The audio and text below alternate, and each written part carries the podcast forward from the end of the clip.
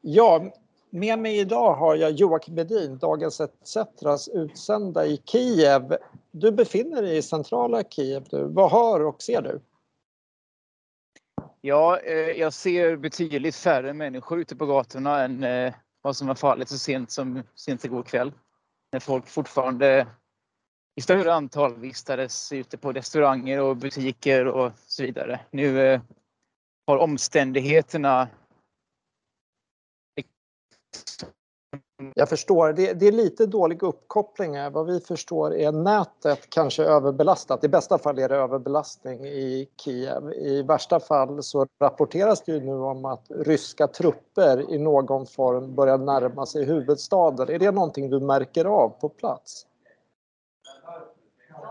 Ja, jag eh, eh mötte just för andra gången idag min, eh, min översättare här som var väldigt stressad och sa att de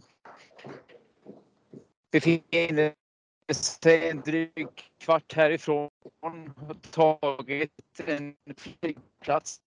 Han var väldigt orolig och eh, jag märker en väldigt mycket rörelse på, på journalisterna som är samlade här i centrum också. Mm. det, är, det är mycket görningen, det märks.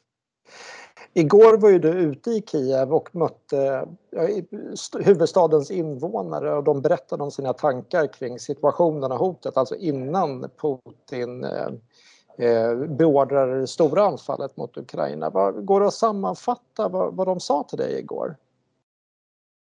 Ja, eh, somliga verkade redan då väldigt både upprörda och rädda och eh, planerade att, att försöka lämna landet. De, alltså vissa människor med pengar har redan lämnat landet eller har skickat ut sina anhöriga. Medan andra tvärtom eh, meddelade att de skulle eh, ansluta sig till hemvärnet och eh, försöka bekämpa invasionen när den skulle komma. Och det fanns också en minoritetsröst som jag, som jag faktiskt stötte på vid ett enda fall. Och det var en kvinna som tyckte att allt det här är eh, NATOs och USAs fel. Det som Putin gör är att han eh, bedriver ett självförsvarskrig. Mm. Men det, det, var verkligen, det var verkligen en, en minoritetsröst utifrån vad jag kunde märka här. Din artikel där de här rösterna finns ligger ju nu ute på www.etc.se för den som vill läsa mer. Men de senaste veckorna har man ju hört från ukrainsk sida att eh, försvarsförmågan är väldigt god. Eh, mm. Vad har du sett för sorts mobilisering under den tid du har varit i Kiev nu? Ja men eh, eh, det kan nog ligga ganska mycket i att det finns en ganska god beredskap men samtidigt har det ju rapporterats att vissa, vissa fronter som ska skydda eh, huvudstaden är inte, inte alls särskilt förstärkta. Så det mm. kanske inte ser lika gott ut överallt. Men mm. det verkar som att det finns ett väldigt stor, eh, stort förtroende bland människor här för att armén nog ska kunna klara av det här.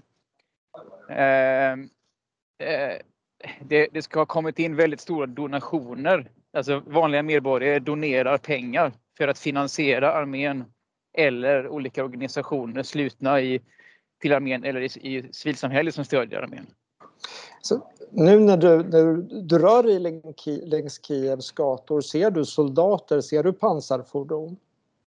Nej, det gör jag inte. Inte här i... i jo du, när jag just säger det, där står det ett gäng. Mm. Jag går just förbi dem. Men de mm. står inte överallt. Nej. Eh, eh, de, de är utspridda med i, stadens utkanter vad jag förstår. Men vid några, mm. Vid några viktiga byggnader så ser jag att de nu har tagit upp positioner men på några ställen här och var. Om det nu är så att ryska trupper är på väg in i Kiev, från ditt perspektiv, vad tror du Ryssland har som målsättning med den här operationen? Ja, eh, det kom uppgifter för en tid sedan, för några dagar sedan tillbaka, från eh, internationellt håll om att Ryssland har, precis som man har gjort i östra Ukraina och på Krimhalvön förberett för att eh, eh, alltså eh, underhuggare här ska ta över makten helt enkelt, tillsättas som marionettledare. Eh, om, det, om det stämmer eller inte, det återstår att se men eh, Eh, lyckas man ta över kontrollen här på något vis så kanske det är så man avser att göra. Mm, men, det, mm. men det, är svår, det, är svårt att, det är svårt att förutse tror jag hur, hur tre miljoner invånare i, i Kiev kommer att reagera på detta. Eh, rädslan mm. är, ju, är ju stor hos, hos vissa men, men motståndsviljan verkar också vara väldigt stor hos många andra. Ja, det är ju en absurd situation vi befinner oss i. Jag ser ju när du går längs gatorna nu, samma butikskedjor som jag ser här i Stockholm och eh, nu är en europeisk huvudstad under akut hot om en, att helt enkelt belägras eller ockuperas av främmande makt. Vad är den senaste rapporteringen om var Ukrainas president befinner sig? Eh, kvar här i landet. Eh, och eh, budskapet är fortfarande att här ska, den här invasionen ska slås tillbaka. Eh, samtidigt som man vädjar efter någon form av assistent och uppbackning från omvärlden. Då. Eh, men det är budskapet som sänds ut och eh, det är väl det som får vissa människor här till synes att kunna promenera omkring som om, ja, alltså inte som att det är en vanlig dag, men de håller sig inte hemma allihopa.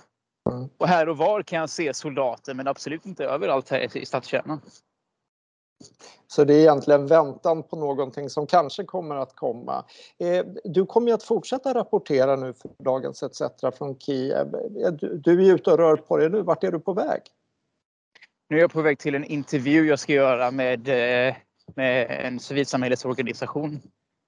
Eh, för att förhöra vad, ja, hur de betraktar situationen. Eh, enligt vad vi har förstått så finns ju ryska styrkor nu bara 15 minuter från huvudstaden och har tagit kontrollen över en flygplats. Så, ja, av flera skäl vill jag prata med civilsamhället för att höra vad, hur, de, hur de uppfattar situationen. Ja. Jag, tänk, jag, tänker på det här Joakim. Eh, nu på morgonen har ju världens ledare närmast unisont fördömt Rysslands anfall och lovat eh, kraftfulla åtgärder. Men Mm. De har ju inte riktigt konkretiserats bortom sanktioner. Vad, eh, vad hoppas de ukrainare du möter att omvärlden ska göra i det här läget?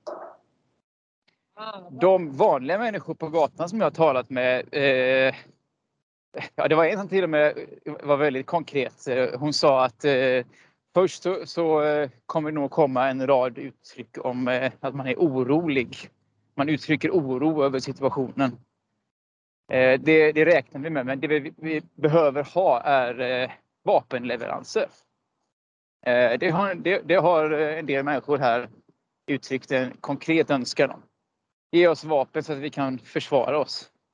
Och det kommer ju leda naturligtvis till, till utökade strider då. Men, men det är vad människor jag har talat med som, som vill sätta upp en, en kamp och bli kvar här har sagt. Men, men din, din bild är att Kiev kommer inte att falla utan omfattande strider? Det är ju svårt att säga. Det, det, eh, det, det är svårt att, att spekulera egentligen. Det, det, handlar om att spekulera. Och det är mm. svårt mm. att veta hur, vad som kommer hända innan det här dygnet är slut. Det har hänt redan mm. väldigt mycket sedan vi som är här slog upp ögonen tidigt i morse. Eh, och det värsta kan ju komma när det blir natt ännu en gång mm. under den kommande natten här. Så det kan vara, det kan vara en, en radikalt annorlunda situation vi vaknar upp till imorgon bitti. Det återstår att se. Ja, samtidigt som vi befinner oss i ett enormt informationsflöde från båda parter i den här konflikten just nu, där det är svårt att avgöra vad som är sant och falskt just nu. Eh, vi kommer att följa din rapportering vidare på etc.se och i dagens etc. Jag tackar dig för att du var med Joakim Medin. Tack! Tack, tack!